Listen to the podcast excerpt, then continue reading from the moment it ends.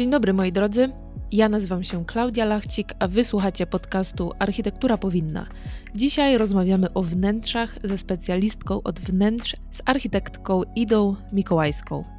Ceny mieszkań i ceny materiałów i ceny usług lecą do góry.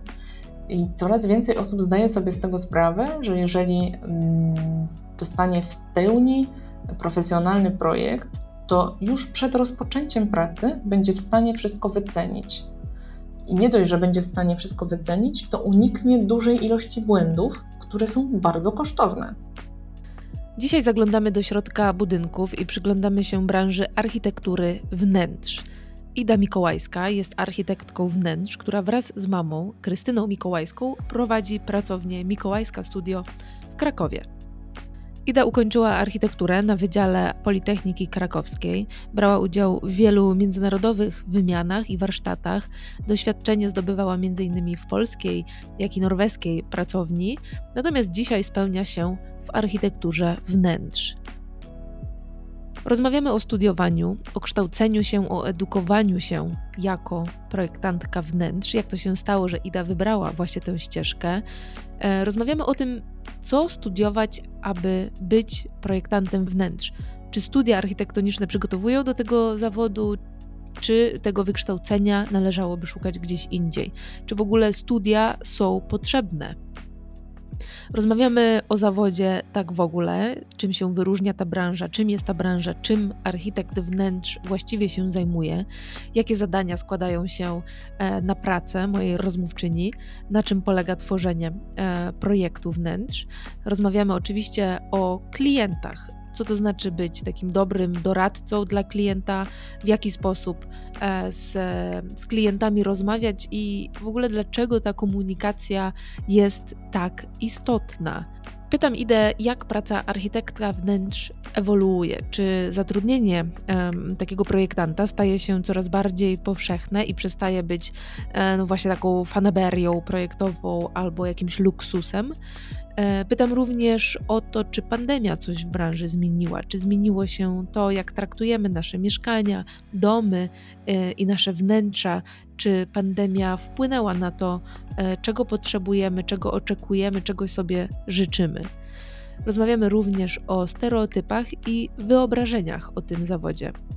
Moi drodzy, serdecznie zapraszam na rozmowę z architektką wnętrz Idą Mikołajską. Cześć Ida. Cześć, cześć Klaudia. Bardzo mi miło, że mnie zaprosiłaś do tej rozmowy. Bardzo mi miło, że się zgodziłaś na e, tę rozmowę. Jeszcze o architekturze wnętrze na podcaście nie było, przynajmniej cała rozmowa nie była przeznaczona tej branży, więc bardzo się cieszę. A jako architektka wnętrz jesteś w sumie po architekturze i urbanistyce. Masz wykształcenie architektoniczne, politechniczne. Twoi rodzice również są architektami i zastanawiałam się, czy y, w sumie rozważałaś inne ścieżki zawodowe, czy to był dla ciebie taki naturalny wybór? W sumie to jest pytanie, którego dawno nikt mi nie zadawał, a kiedyś, szczególnie kiedy byłam na studiach, czy byłam świeżo po studiach, było to y, częste pytanie. I to jest dobre pytanie. W sumie to nawet nie tylko moi rodzice są architektami. Jestem już y, czwartym pokoleniem. Czyli e, rozumiem, nie, było, nie miałaś wyboru. Miałam, słuchaj, miałam pełen wybór. Miałam pełen wybór. Jako małe dziecko powtarzałam wszem i wobec, że będę tak jak rodzice architektem. Ale później, na etapie, kiedy naprawdę zaczęłam o tym myśleć, powiedzmy już e, pod koniec gimnazjum czy w liceum, e, zaczęłam się od tego kategorycznie odżegnywać.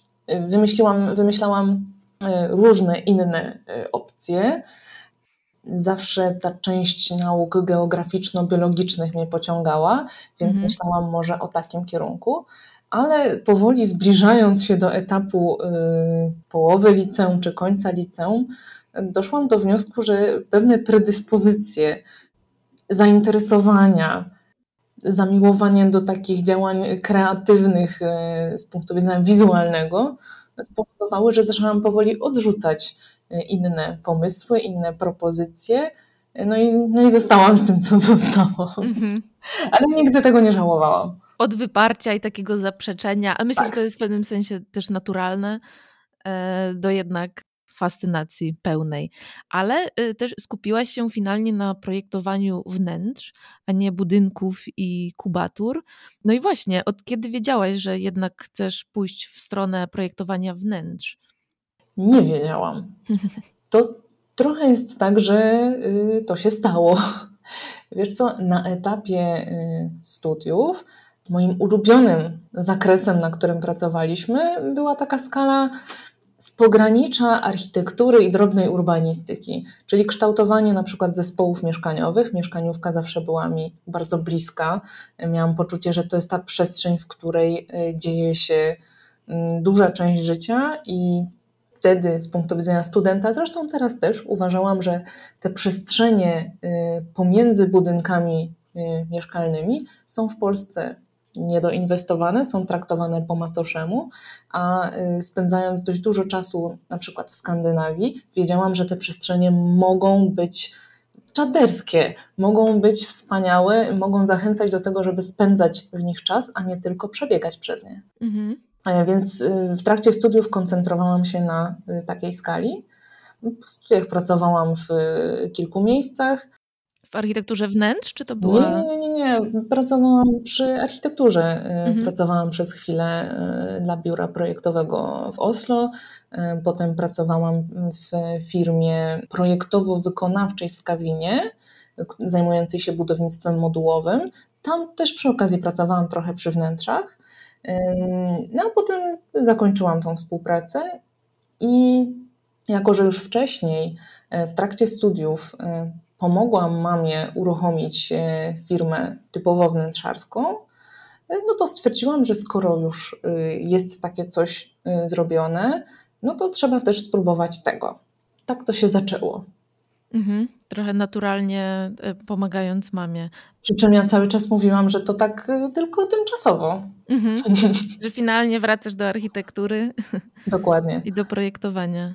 Ale jak się człowiek zaangażuje w coś własnego, bo takie to było właśnie działanie, no to kiedy pracowałam jako pracownik w innych firmach, miałam poczucie, że są rzeczy, za które poniekąd jestem odpowiedzialna, ale tak finalnie nie mam na to wpływu.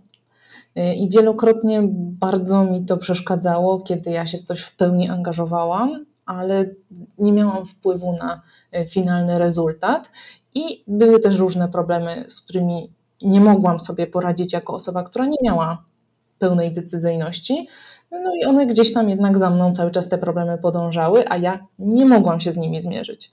E, I przechodząc do własnej działalności, Y, miałam poczucie, że to będzie pewien element, który się zmieni w moim zawodowym życiu. Mhm. Co w dużej mierze było prawdą, ale jak życie pokazało, nie do końca, bo są rzeczy, y, z którymi jako y, właściciel firmy muszę się zmierzyć, a tak naprawdę odpowiadam bezpośrednio przed klientem. I tutaj też się okazuje, że są takie mm, aspekty, z którymi jest naprawdę ciężko ale ciekawe jest to, że właśnie ze względu na jakiś brak sprawczości czy takiego e, wpływu zdecydowałaś jednak się przebranżowić, bo ta, ta sprawczość w architekturze wnętrz jest dużo, dużo większa, dużo szybciej można zobaczyć efekt. Tak, to jest bardzo pozytywny e, aspekt akurat pracy w tej mniejszej skali. A jeszcze jak wspominasz czasy studiów? Pamiętasz swój pierwszy projekt wnętrz? Czy teraz z tej perspektywy tak sobie myślisz, że to nie miało tak naprawdę znaczenia?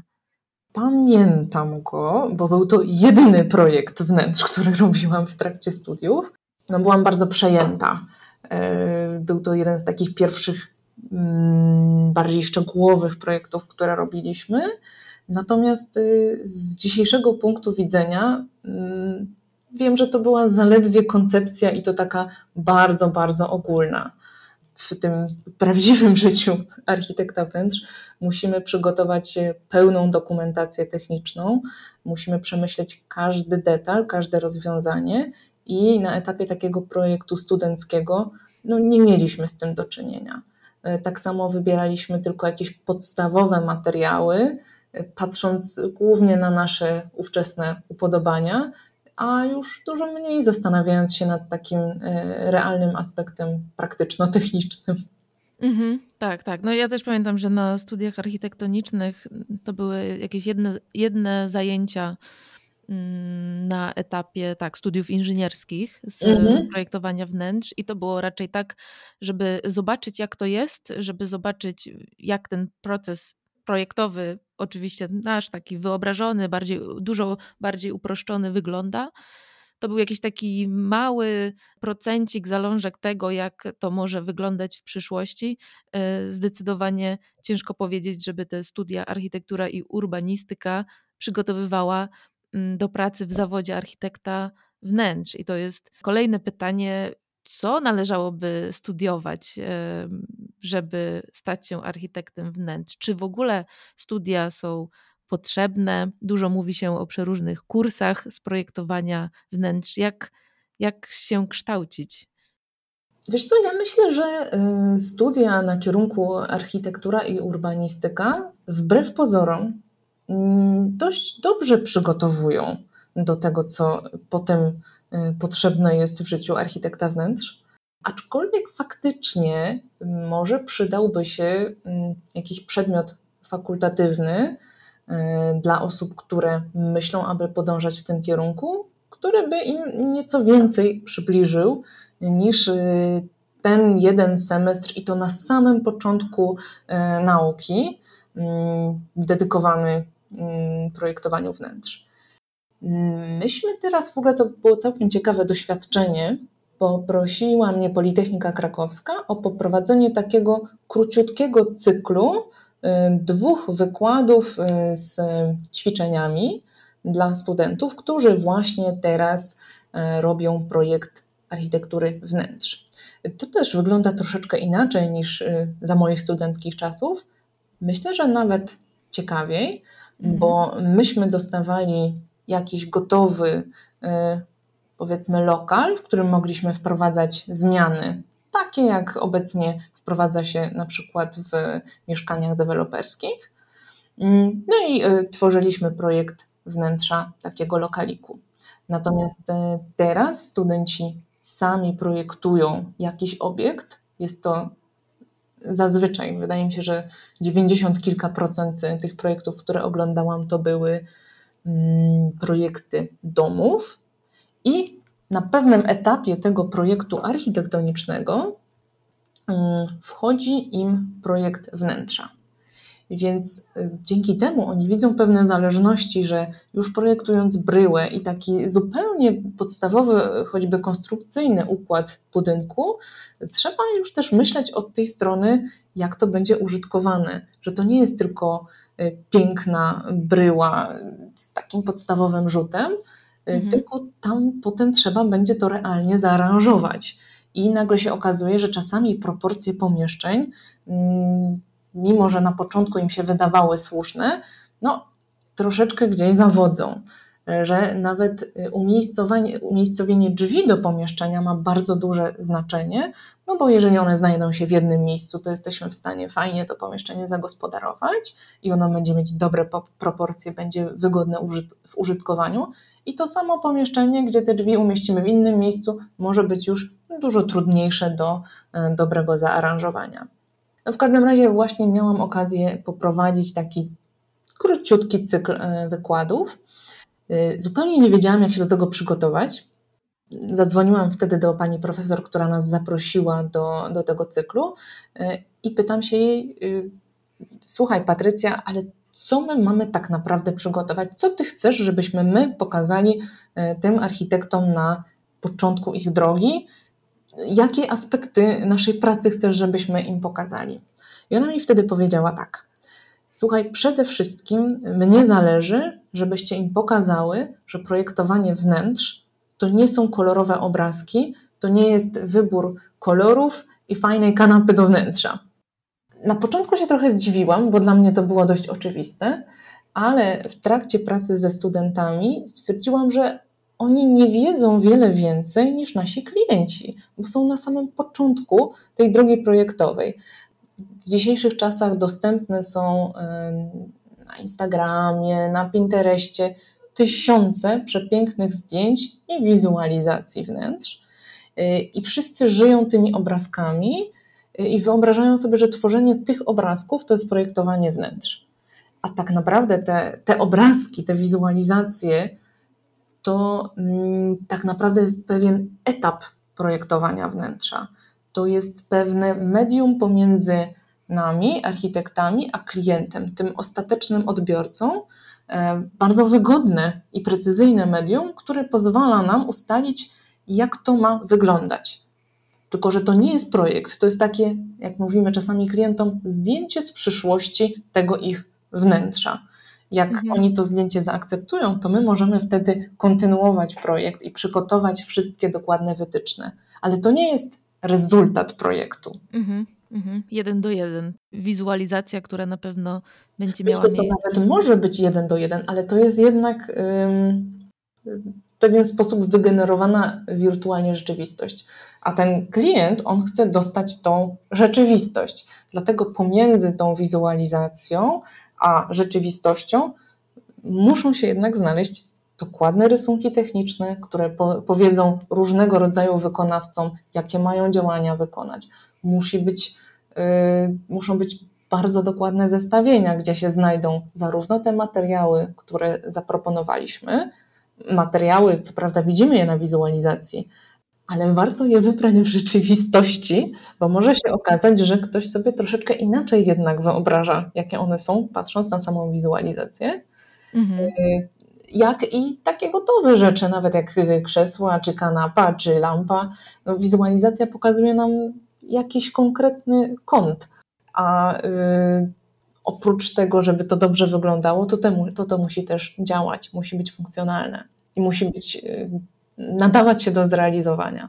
Tak, takie wizualizacje, one z jednej strony są dobrym takim narzędziem marketingowym i PR-em dla obu branż, generalnie dla architektury tak. i dla architektury wnętrz, ale jest też chyba wielkim zagrożeniem, bo wtedy się staje taką branżą czy projektem jednego, jednej wizualizacji czy jednego zdjęcia, a nagle zapominamy, co za tym zdjęciem, za tym projektem idzie, a to jest naprawdę cały proces projektowy, a finalnie ten, ten efekt może nawet niekoniecznie jest tworzony przez architektów, tylko jest e, zlecany komuś innemu, tak? A, a architekt wcześniej jednak współpracuje z wszelkimi branżystami, fachowcami, jest cały proces projektowy, ale finalnie, że on jest zamknięty w jednym obrazku, no, ma swoje wielkie wady i, i zalety.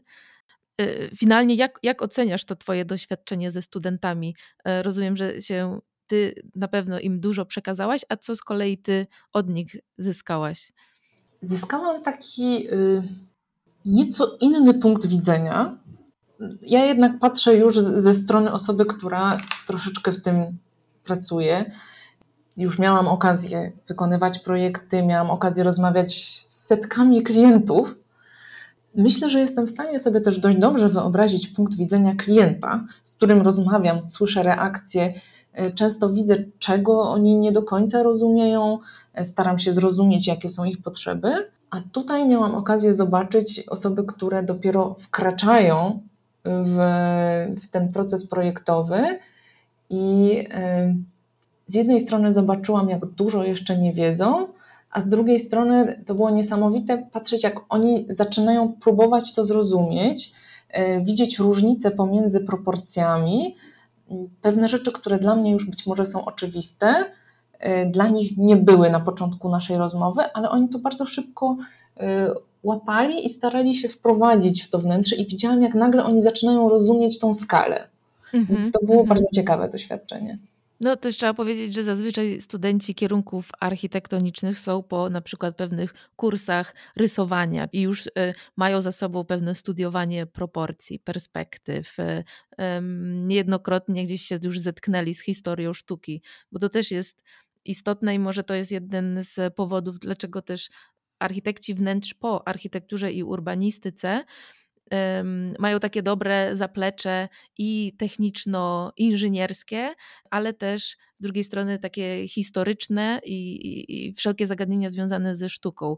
Jeśli osoby studiowały zagadnienia urbanistyczne, miejskie, e, architektoniczne, historyczne, to później ten kolejny krok, który jest wejście do wnętrza i zmiana skali, to jest pewnie pewnym wyzwaniem, jednak e, zmiana tych e, e, skali projektowej, ale z drugiej strony z tym e, zapleczem urbanistyczno-architektonicznym jest to dobry, konkretny grunt, żeby się wdrożyć w architekturę wnętrz. Tylko pytanie, jak się właśnie jej uczyć, skoro na architekturze i urbanistyce nie ma jej aż tak dużo? Gdzie się dokształcać, gdzie się edukować, czy czy może wtedy kurs jest jakąś opcją, a może... Myślę, że to jest właśnie dobry pomysł, żeby... Yy, tylko też ciężko mi powiedzieć, które kursy będą dobre. Ogólnie wydaje mi się, że dość yy, takim rozwiązaniem, które może przynieść rozwój dla takiego młodego, startującego architekta wnętrz, jest y, założenie sobie w swojej drodze kariery jakiś czas, nawet jeżeli planuje założyć własną pracownię, czy samodzielnie po prostu prowadzić projekty, żeby jednak popracować z bardziej doświadczonymi y, architektami, mm, nawet jeżeli nie byłaby to forma docelowa. Zresztą, jeżeli kończy się studia architektoniczne i planuje się y, pracować jako architekt tak zwany kubaturowy, to ja szczerze podziwiam moich kolegów, którzy zaraz po studiach postanowili sami prowadzić projekty mhm. bo mm, studia uczą nas bardzo dużo. Niektórzy psioczą na nie, że y, jest bardzo dużo teorii, a nie uczymy się praktycznych rzeczy. No, może już nie starcza na, na to czasu, a może właśnie należy założyć, że po studiach y, zaczynamy pracować jako stażysta czy młodszy architekt i uczymy się tej praktycznej strony zawodu już od starszych kolegów, tak naprawdę, w praktyce. I wydaje mi się, że jeżeli chodzi o architekturę wnętrz, to też można założyć, że po studiach możemy pracować e, z bardziej doświadczonym zespołem i od tego zespołu się wiele nauczyć. Część architektów, która pracuje z nami, to są architekci właśnie po politechnikach, po architekturze, architekturze i urbanistyce. E, I mm, to są osoby, które startują już z dużą wiedzą taką techniczną, może niekoniecznie jeżeli chodzi o materiały, wykończeniowe, ale to jest, oni są w stanie nauczyć się tego pracując z nami y, w drużynie. Jeżeli chodzi o kompozycję takich drobnych elementów, takie, taki już ten ostatni sznyt, to jest coś, czego, czego zazwyczaj tacy początkujący architekci muszą się dopiero nauczyć. I troszeczkę odwrotnie jest z osobami, które kończą architekturę wnętrz y, po, na, na przykład ASP, oni e, są lepiej zaznajomieni z materiałami, lepiej czują taki drobny detal, kompozycję dodatków, ale z kolei potrzebują dużo więcej e, nadrobić, powiedzmy, jeśli chodzi o takie techniczne rozwiązania, współpracę z branżami. Mhm. A finalnie połączenie tych y, politechnicznych umiejętności i, i, i, doświadczenia z ASP, rozumiem, że praca w zespole jednak wychodzi najlepiej, bo też się od Dokładnie. siebie po prostu. Chociaż to też są, wiesz, bardzo indywidualne preferencje. Niektórzy troszkę lepiej czują właśnie tą część estetyczną od razu, inni funkcjonalną, trzeci techniczną. Y, zawsze ktoś ma coś jeszcze do nadrobienia właśnie na początku.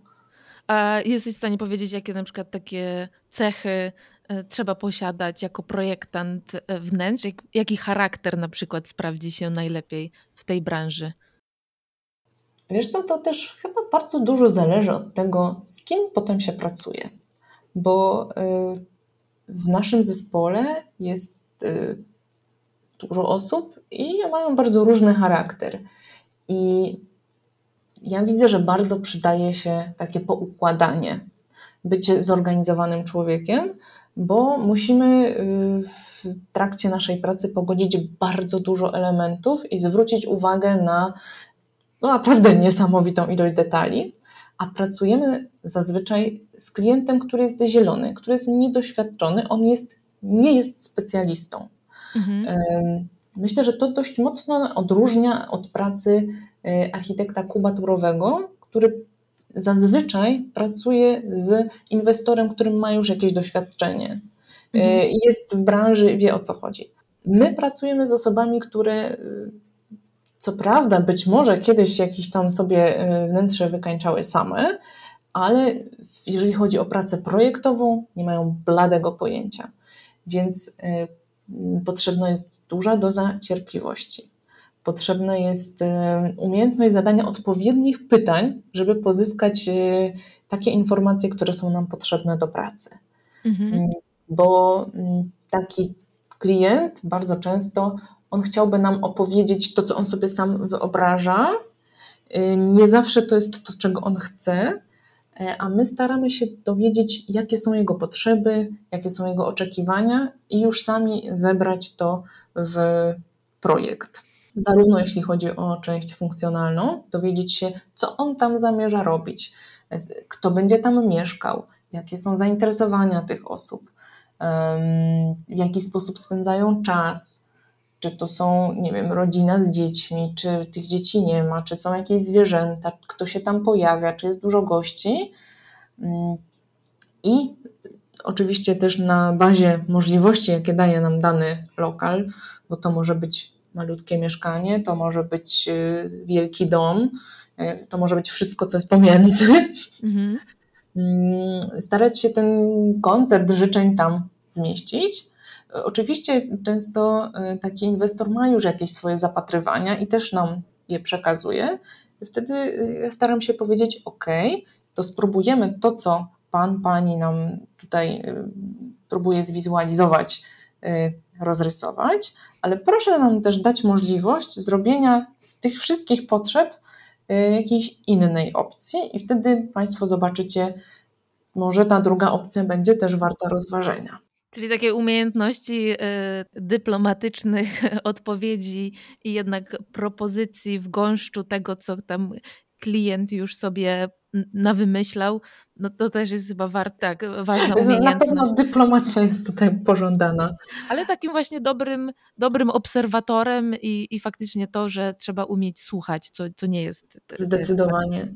E, ale też no nie możemy, myślę, że powinniśmy, oprócz tego, żeby słuchać i y, spełniać oczekiwania klientów, być też e, dobrym doradcą, takim trochę nauczycielem, który przeprowadza tego klienta przez cały proces projektowy.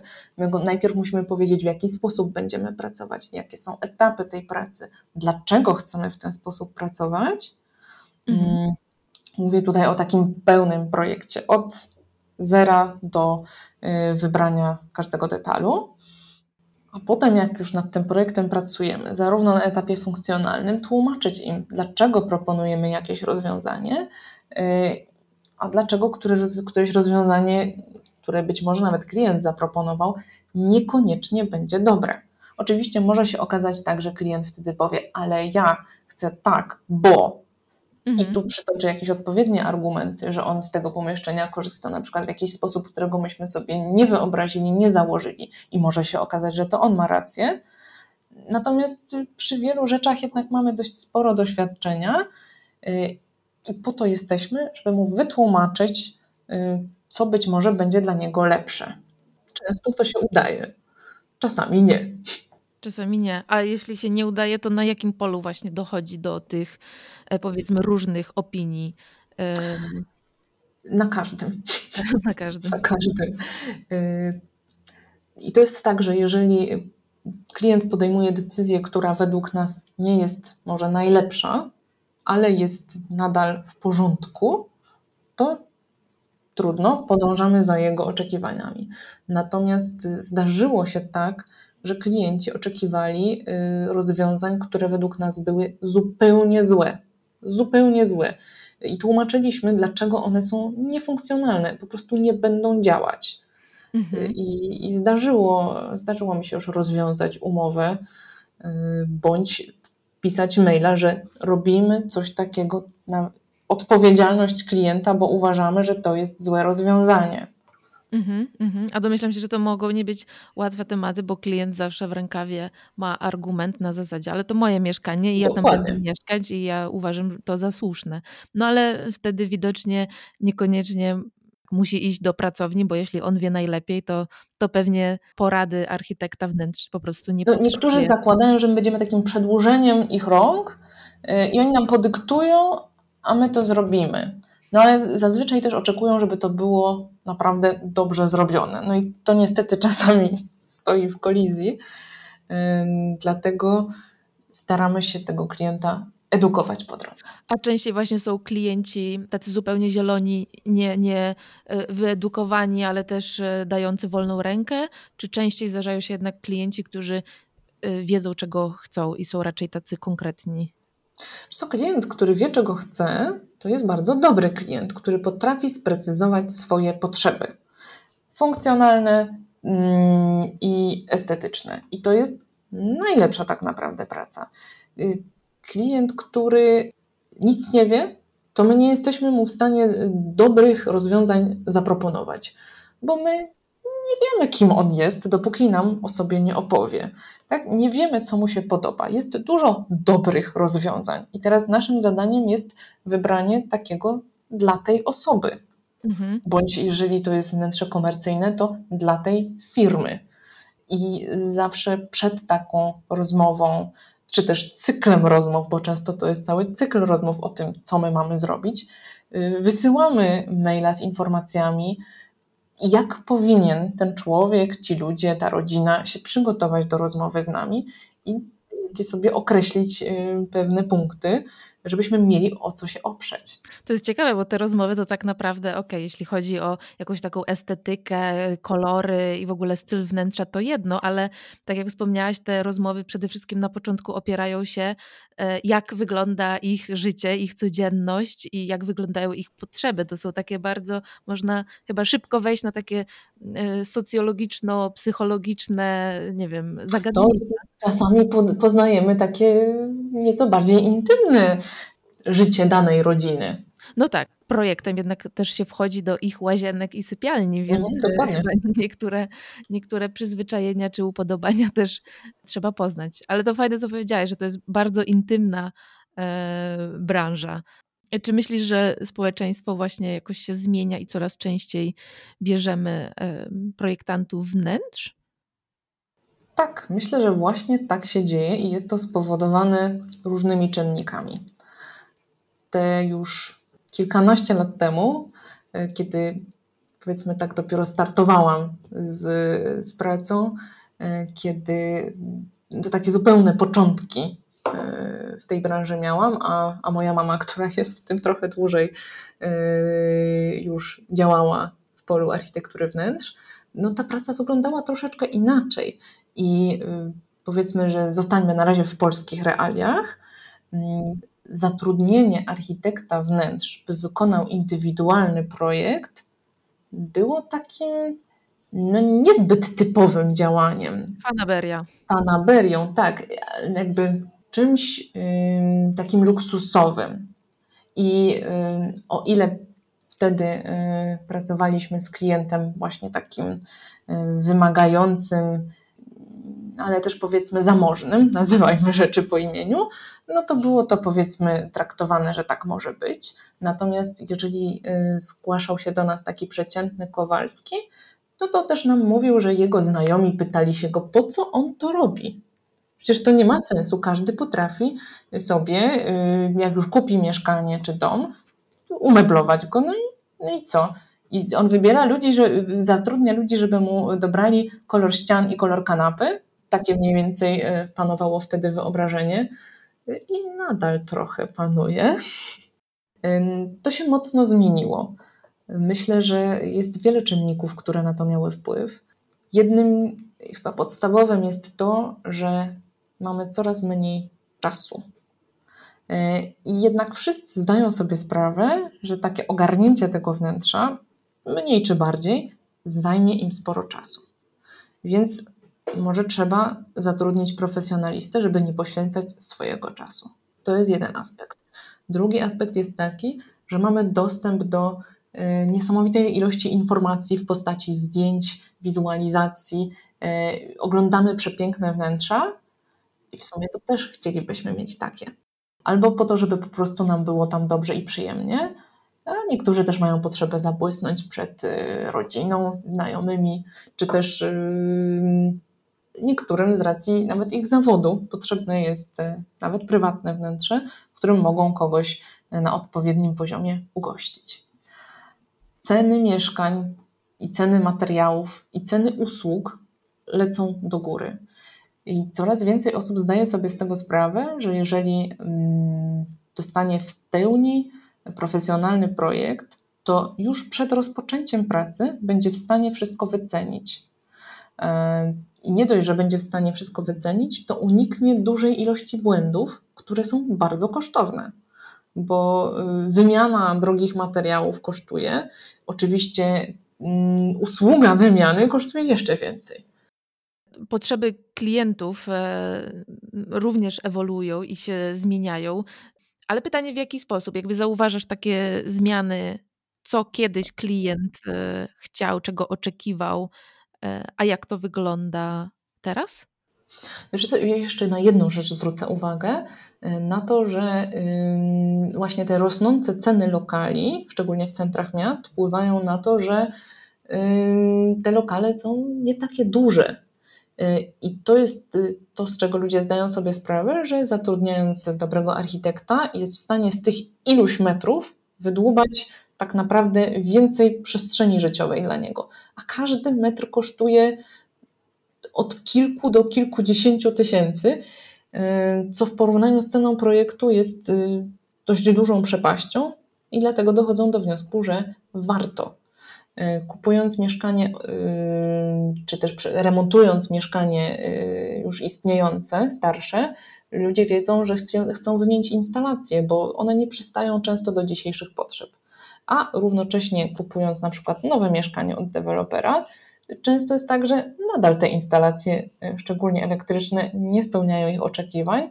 No i to już się większości ludzi jednak wydaje nieco bardziej skomplikowane i zakładają, że choćby dlatego ten architekt jest potrzebny. Mhm. I teraz jak wyglądają te, te potrzeby? Zazwyczaj czy ludzie oczekują bardziej porady, czy to jest taki projekt pod, pod klucz, w ogóle taki pełnobranżowy, czy tylko koncepcję, czy tylko jedną fazę projektu? Jak to właśnie było kiedyś, a, a jak to ewoluowało? Dużo osób zadaje pytanie o koncepcję. Yy, koncepcję, wizualizację jak wchodzimy w rozmowę, to się okazuje, że oni zazwyczaj jednak potrzebują czegoś więcej. Jak zaczynamy rozmawiać z nimi, pytać się u wykonawców, czego ci ich wykonawcy potrzebują, no to okazuje się, że zazwyczaj potrzebują pełnego projektu. Natomiast tak, jest część osób, która oczekuje samej koncepcji i to zazwyczaj koncepcji wizualnej. My wtedy mówimy, że układ funkcjonalny będzie jednak potrzebny, żeby tą koncepcję wizualną zbudować mimo wszystko. I na to się y, taki klient zazwyczaj zgadza po rozmowie i wytłumaczeniu dlaczego. Natomiast faktycznie y, niektórzy chcą pozostać na etapie koncepcyjnym i dalej sobie z tym radzić samemu. Y, ale to jest mimo wszystko nie taki duży odsetek. Z tego, co tak sobie wspominam, to jednak większość ludzi od zawsze pytała o projekt kompleksowy, czyli zdobycie wszystkich informacji, które będą potrzebne, aby ten ich lokal wykończyć w taki sposób, aby wyglądał jak na wcześniej przygotowanych wizualizacjach. I spełnia ich, spełnią ich oczekiwania, tak żeby mogli już przekazać pewne działania y, innym profesjonalistom, którzy zajmą się wykańczaniem tego wnętrza. Natomiast y, od kilku lat zapytania się zmieniły o tyle, że potencjalnie klienci pytają nie tylko o sam projekt, ale też o to, co będzie potem. Czy oni mogą nam powierzyć zrealizowanie tego, tak żeby oni, klienci, mogli już się wprowadzić do tego gotowego wnętrza. I mm, zakres prac naszej pracowni też ewoluował. E, na początku rozwijaliśmy jakby e, same nadzory, ich było więcej były bardziej szczegółowe, ale potem doszliśmy do wniosku, że też trochę nie tędy droga, bo nie spełniamy oczekiwań klientów, którzy chcieliby w ogóle się w ten proces nie angażować. Mm, dlatego jakieś 5 lat temu rozpoczęliśmy usługę, my to nazywamy kompleksową koordynacją, czyli od projektu do zamieszkania taką usługę y, my nie robimy żadnych pakietów wykończeniowych, nie jesteśmy sklepem. Jesteśmy pracownią projektową, więc jesteśmy w stanie ofertę na taką usługę przygotować dopiero po zakończeniu projektu, który jest zrobiony indywidualnie i dopiero na koniec projektu, kiedy mamy rysunki, wiemy dokładnie, co się będzie działo, mamy zestawienie materiałów, możemy klientom przygotować wycenę, czyli prosimy współpracujących z nami wykonawców, aby wycenili swoje prace. Każdy z osobna. Osobno wykonawca wykończeniowy, który często jest w pakiecie, że tak powiem, z elektrykiem i hydraulikiem, stolarze, mm, czasami jest potrzebna klimatyzacja, rekuperacja, nagłośnienie i kolejne o dom inteligentny coraz częściej się pojawia jako e, zapytanie klienta. Jesteśmy w stanie sumować te wszystkie rzeczy i potem zamieniamy się rolą z klientem. To my musimy ich tam zaprosić, dopilnować, żeby przyszli, żeby w odpowiednim czasie e, wykonali swoją usługę, sprawdzić, mhm. czy jest zgodna z projektem. Czyli jest to poniekąd połączenie takiego nadzoru autorskiego z e, byciem tą osobą, która to wszystko spaja. To jest też coś, co wydaje mi się, że na studiach jest może spotykane w ograniczonej ilości, czyli ta współpraca z, z innymi branżami, z innymi e, wydziałami, bo później faktycznie oka okazuje się, że ten architekt wnętrz no, współpracuje z masą przeróżnych branżystów i, i ekspertów i jest niejako koordynatorem. Tak, nie e, tylko wybiera kanapę. Czy y, zauważyłaś, że na przykład pandemia coś zmieniła, jeśli chodzi o projektowanie wnętrz, jeśli chodzi o funkcjonalizm w mieszkaniu? Początek pandemii był faktycznie momentem, kiedy yy, widziałam, że zainteresowanie usługą projektowania wnętrz nawet się zwiększyło. I nie jest to taka marketingowa czy medialna gadka. Yy, faktycznie mam wrażenie, że część ludzi, która nie bardzo zwracała uwagę na tą przestrzeń, w której mieszka, zaczęła ze względu na to, że dużo więcej czasu tam spędzali i yy, zaczęli dostrzegać też pewne mankamenty takiej niezaaranżowanej przestrzeni. Powiedzmy, że takie zapytania yy, czy zastanawianie się nad yy, miejscem do pracy yy, w mieszkaniu czy w domu, yy, czy też na przykład nad yy, roślinami, które niektórzy Y, bardzo chętnie chcą w swoim mieszkaniu widzieć, zawsze było, ale to były te aspekty, które się y, wzmocniły w zapytaniach na początku pandemii. Czyli faktycznie rozważenie tego, jak będę w stanie pracować z mojego mieszkania. Mhm. Y, I naprawdę zastanawianie się nad tym mm, dużo mniej teoretycznie niż wcześniej, gdzie ci ludzie zakładali, no ewentualnie gdzieś tam sobie siądę z laptopem i jak będzie trzeba, to popracuję. Natomiast tutaj zderzyli się z rzeczywistością, że ta praca z domu faktycznie, realnie dzień w dzień się odbywa i potrzebne są do tego jednak od czasu do czasu bardziej komfortowe warunki. Tak, niż praca z laptopem na, na sofie czy Dokładnie. w sypialni. I o tyle, o ile y, mieszkamy w domu, gdzie tych pomieszczeń jest trochę, no to tutaj nie ma problemu zazwyczaj z zorganizowaniem odpowiedniego miejsca. O tyle, znowu wracamy do tych centr miast, o tyle mieszkańcy mniejszych lokali no mają to dużo, dużo bardziej utrudnione i tutaj musimy myśleć o takich wnętrzach hybrydowych, które są w stanie się w wygodny sposób przekształcać y, i o jednej porze dnia czy tygodnia funkcjonować jako y, jedno pomieszczenie, o drugiej jako inne.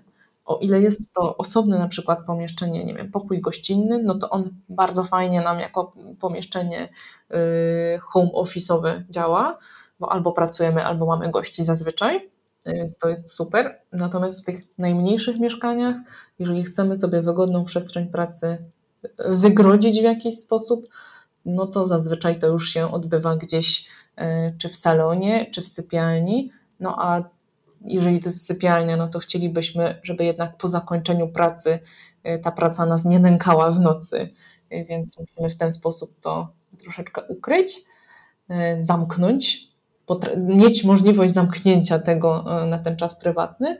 No, w salonie w sumie też niekoniecznie chcemy po pracy patrzeć na tą pracę. Tak, tak. No to, to jest wyzwanie i chyba takim w ogóle większym wyzwaniem jestem ciekawa Twojej opinii. Ja bym powiedziała, że większym wyzwaniem jest zaprojektowanie właśnie małej przestrzeni, gdzie nie wszystko jest możliwe, że jesteśmy bardzo ograniczeni, jak to wszystko zaplanować, niż y, wielkiego apartamentu, gdzie mamy wiele możliwości, prawdopodobnie i budżet jest y, większy i możemy gdzieś te nasze projektowe skrzydła nieco rozwinąć. A powiem Ci, że i tak, i nie. Inne problemy, powiedzmy, natury projektowo-przestrzennej będziemy mieć przy małych wnętrzach, a inne przy tych bardzo dużych. Faktycznie, jeżeli pracujemy nad malutką przestrzenią, no to mm, musimy raczej myśleć właśnie o takich indywidualnych rozwiązaniach, które pozwolą nam wykorzystać każdy centymetr dosłownie, szczególnie jeżeli użytkownik ma jakieś nietypowe potrzeby, no to tutaj jest taka zabawa w układankę, w robienie puzla, którego jeszcze prawdopodobnie w różnych tam momentach dnia będziemy przekształcać. To jest problematyka tych małych przestrzeni. Natomiast y, przy takich bardzo dużych z kolei y, przestrzeniach mieszkalnych, często okazuje się, że takie typowe rozwiązania bądź typowe meble, one nie przystają skalą do na przykład olbrzymiego salonu, który jeszcze być może jest przez dwie kondygnacje. I tutaj też trzeba umieć do tego y, podejść. Wręcz mam poczucie, że y, jeżeli na przykład zaczynamy pracować z projektantem, który już troszeczkę gdzieś projektował, albo więcej nawet, to oni sobie bardzo często świetnie radzą z małymi wnętrzami, przy których już pracowali, ale kiedy po raz pierwszy zaczynają pracować z takim dużym projektem, gdzie mamy kilkaset metrów do zagospodarowania, z czego niektóre pomieszczenia są bardzo duże, no to to się okazuje być dla nich bardziej problematyczne. Jak to zrobić, żeby to wszystko w tej skali e, dobrze i wyglądało, ale też funkcjonowało?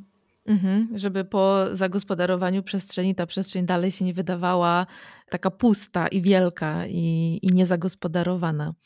Chciałam jeszcze poruszyć kwestię różnych mitów i stereotypów i wyobrażeń związanych z, z branżą wnętrzarską. Czy y, pamiętasz jakieś swoje wyobrażenia, na przykład z czasów studiów w kontekście architektury wnętrz? Tak, jak ja studiowałam, to mimo wszystko miałam takie poczucie i przesłuchując niektóre z Twoich podcastów, y, miałam poczucie takiego lekkiego degradowania architekta wnętrz. Niemożliwe. Do, do roli, y, ja bym to nazwała y, dekoratora. I tu też nie chcę umniejsza, umniejszać roli dekoratorów, ale tu właśnie jest troszkę inne, y, innego typu działanie. Dekor, dekoratorzy pracują zazwyczaj już nad tym ostatnim, finalnym lookiem, nad stylizacją, nad doborem takich drobnych dodatków jak wazon, czy obraz, czy rzeźba, które my, szczególnie większe, też bierzemy pod uwagę, ale już nad takimi detalami y, bardzo rzadko pracujemy tak naprawdę. I mam wrażenie, że y, zarówno taki przeciętny Kowalski w ten sposób sobie wyobraża rolę architekta, projektanta wnętrz, i młodzi architekci, tudzież niektórzy architekci, też tak troszeczkę tego architekta wnętrz traktują po macoszemu, nazwijmy to delikatnie. I ja na studiach miałam takie samo wyobrażenie. Wydawało mi się, że to jest taki dodatek do pracy architekta i zajmowanie się tylko tym, no to jest takie troszkę pójście po linii najmniejszego oporu. Kiedy się zaangażowałam już y, w tą część, tak jak wcześniej mówiłam, troszeczkę tak to akurat wypadło. Zakładałam, że to będzie e, poszerzenie moich, mojej wiedzy, mojej umiejętności, żeby przez jakiś czas popracować w tej części naszej branży.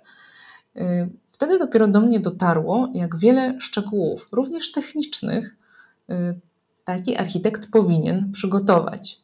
I tutaj mam wrażenie, że na niekorzyść wizerunku projektanta, architekta wnętrz działają osoby, które właśnie nie mają odpowiedniego przygotowania.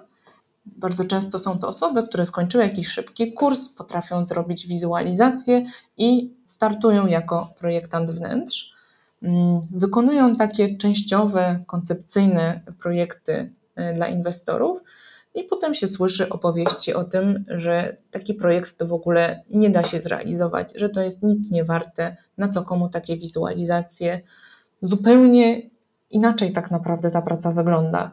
Oczywiście też dobieramy tkaniny, dobieramy kolory, płytki, inne materiały, ale jest to malutki aspekt, malutka część naszej pracy. Wykonujemy wizualizację, ale to nie jest ten docelowy produkt, który oferujemy yy, zamawiającemu. Mam wrażenie, że to degradowanie, umniejszanie architekturze wnętrz jest trochę połączone z architekturą krajobrazu.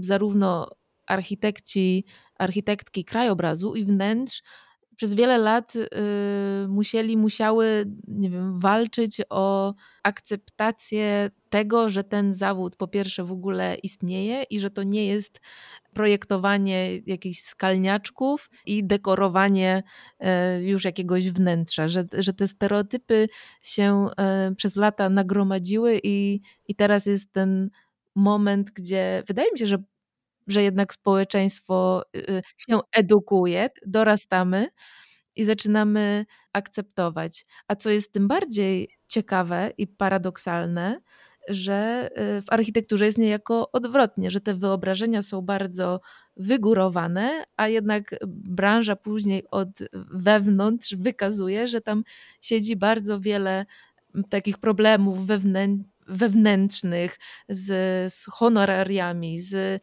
z jakąś dyskryminacją z, i tak dalej, i tak dalej. Jest bardzo ciekawe. Nie wiem skąd te stereotypy tak naprawdę się, się wzięły, ale no mam nadzieję, że społeczeństwo się powoli edukuje i to wyobrażenie jednak y, zmieniamy. Wydaje się, że więcej i więcej osób takiego architekta wnętrz czy y, krajobrazu zatrudni do swoich prywatnych inwestycji, aniżeli to będzie jedynie taki klient, nie wiem, ale wiesz, też taki klient indywidualny, ja widzę, że on coraz bardziej wie, czego powinien się spodziewać. I coraz e, na takim etapie zapoznawania się, tworzenia oferty, omawiania tego, co mamy zrobić, coraz częściej jest tak, że ten człowiek jest świadomy tego, co mu jest potrzebne, czego on oczekuje. E, I zresztą takie osoby, które y, właśnie wiedzą, czego potrzebują, w moich obserwacji dużo częściej zostają z nami i decydują się na wykonanie usługi. Natomiast te osoby, które nie wiedzą, czego potrzebują, my im tłumaczymy, co możemy dla nich zrobić, mm, a one niekoniecznie jakby potrafią zrozumieć, y, co tak naprawdę ten zakres i ta usługa oznacza, one stosunkowo rzadko się zdecydują na tę usługę, uważając, że jest niepotrzebna albo zdecydowanie za droga. A masz e, jakiś e, swój ulubiony etap w ogóle w procesie projektowym? Jeżeli chodzi o samo pracowanie, no to lubię pracować e, przy etapie funkcjonalnym. To jest, to jest za każdym razem jak układanie puzla i sprawdzanie, czy da się go ułożyć lepiej. I jeżeli uda się zmienić niezbyt korzystny albo w ogóle totalnie słaby układ w coś, co będzie działać dla danego inwestora, no to to jest mega satysfakcja. E, to jest też taki dość szybki etap, e, dość taki jeszcze schematyczny, więc bardzo lubię e, pracę właśnie nad etapem funkcjonalnym. Przez te lata dość mocno osadziłam się w materiałach, więc lubię też tłumaczyć klientom, jak który materiał będzie działał, który jakby tłumaczyć wady i zalety każdego z nich. Mhm. Mm, staram się też jak najbardziej edukować siebie pod tym kątem. No, to żeby, też się żeby umieć zmienia. wyłowić, tak, to się zmienia, ale też, żeby umieć zaproponować i wyłowić dostępne na rynku rozwiązania. Tym bardziej, że nie ma jednego dobrego, bo one nie tylko różnią się ceną i im droższy, tym lepszy. W zależności od tego, jak będziemy je użytkować, to być może inny materiał nam jest potrzebny. I to trzeba za każdym razem omówić z takim inwestorem, y, żeby on sam podjął decyzję, ale żeby podjął dobrą decyzję. Mm, no i oczywiście najwspanialszy jest moment, kiedy możemy wejść do takiego gotowego, już wykończonego mieszkania, co zaproponowanie tej kompleksowej koordynacji od projektu do zamieszkania y, dało mi y, szansę, że tak powiem, zasmakować tego, od kiedy zaczęliśmy y, mieszkania czy domy koordynować aż do momentu wprowadzenia się klienta. A gdzie um, szukasz inspiracji? Nie wiem, czy tak masz, że jak gdzieś podróżujesz, wchodzisz do jakiegoś wnętrza, to już od razu twój wzrok się gdzieś tam kieruje właśnie na posadzkę, na ściany, na sufit, oświetlenie, um, wygląd wnętrza. Nie wiem, czy masz takie um, właśnie już automatyczne, powiedzmy, e, zboczenie zawodowe, czy, czy jesteś w stanie to wyłączyć i się trochę. Tylko się chyba nie da wyłączyć. To właśnie tak działa. Tym bardziej, że szczególnie jeżeli to jest jakiś taki trochę wyjazd bardziej powiedzmy wakacyjny, y, człowiek jest wypoczęty i zdecydowanie lepiej y, wyłapuje i wchłania takie rzeczy, więc jak gdzieś razem jedziemy na przykład z mężem, to ja oglądam detale, a on szuka pęknięć w ścianach. Mm, mm-hmm. Bo on e, z kolei jest konstruktorem i, i zawsze sprawdza, jak mu działa który element konstrukcyjny. Aha, no ale e, przynajmniej jest coś dla Was obojga w jednym wnętrzu, więc to jest. Tak, zdecydowanie budynki nas interesują. Czy ostatnio odwiedziłaś jakieś bardzo ciekawe wnętrze, e, którym chciałabyś się podzielić, które Cię zainspirowało i tak zapamiętałaś szczególnie? Najlepsze jest to, że czasami najlepsze inspiracje nie są bezpośrednie. To czasami jest jakieś e, użycie materiału, jakiś pewien detal, który sam z siebie albo mi się nawet nie do końca podoba, albo nie mam dla niego zastosowania, ale, ale przez taką niebezpośredniość, jeżeli on w jakiś sposób jest intrygujący, to potem bardzo często, kilka miesięcy później, gdzieś mi wraca w głowę, myślę, tak, to jest coś, co można by zastosować. Może nie jeden do jeden, ale, y, ale jakieś połączenie, materiał, y, jakieś rozwiązanie przestrzenne może okazać się y, bardzo, bardzo trafione dla czegoś, nad czym akurat pracujemy. Pamiętam, jak weszłam do opery w Oslo. To zdecydowanie był, był taki moment, że mi to zapadło w pamięć bardzo, bardzo mocno.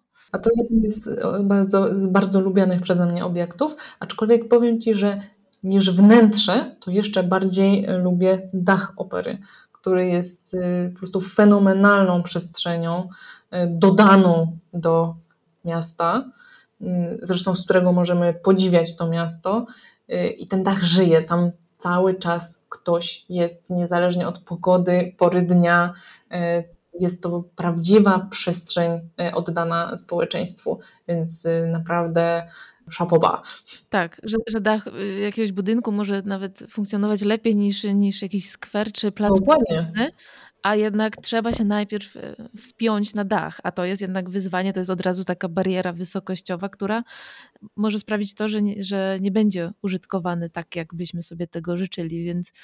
Pamiętam, jak, bo to też nie takie może najnowsze wspomnienie, ale za to bardzo, bardzo silne, e, jak niesamowite wrażenie e, zrobił na mnie kompleks Alvara Alto w Helsinkach, kompleks uczelniany Otaniemi, bardzo y, zielona przestrzeń, w ogóle dla mnie nie kojarząca się z kampusem y, uniwersyteckim.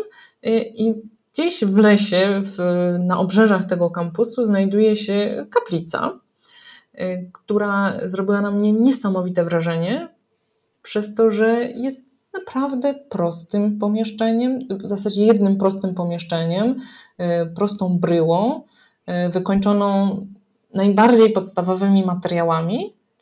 Całość umeblowania jest y, minimalistyczna do granic, natomiast y, całe wrażenie, które uzyskujemy po wejściu do tego obiektu, y, daje nam olbrzymie przeszklenie, za którym mamy las, tak naprawdę. I, I ten las jest jednym gigantycznym obrazem, w który sobie patrzymy, przebywając we wnętrzu. Mhm, takim lekko skadrowanym. Tak, e, tak, tak. Całe wnętrze jest oprawą dla tego widoku. No, to jest ciekawe. To jest chyba w, w, w, jakimś tam stopniu recepta na ponadczasowość.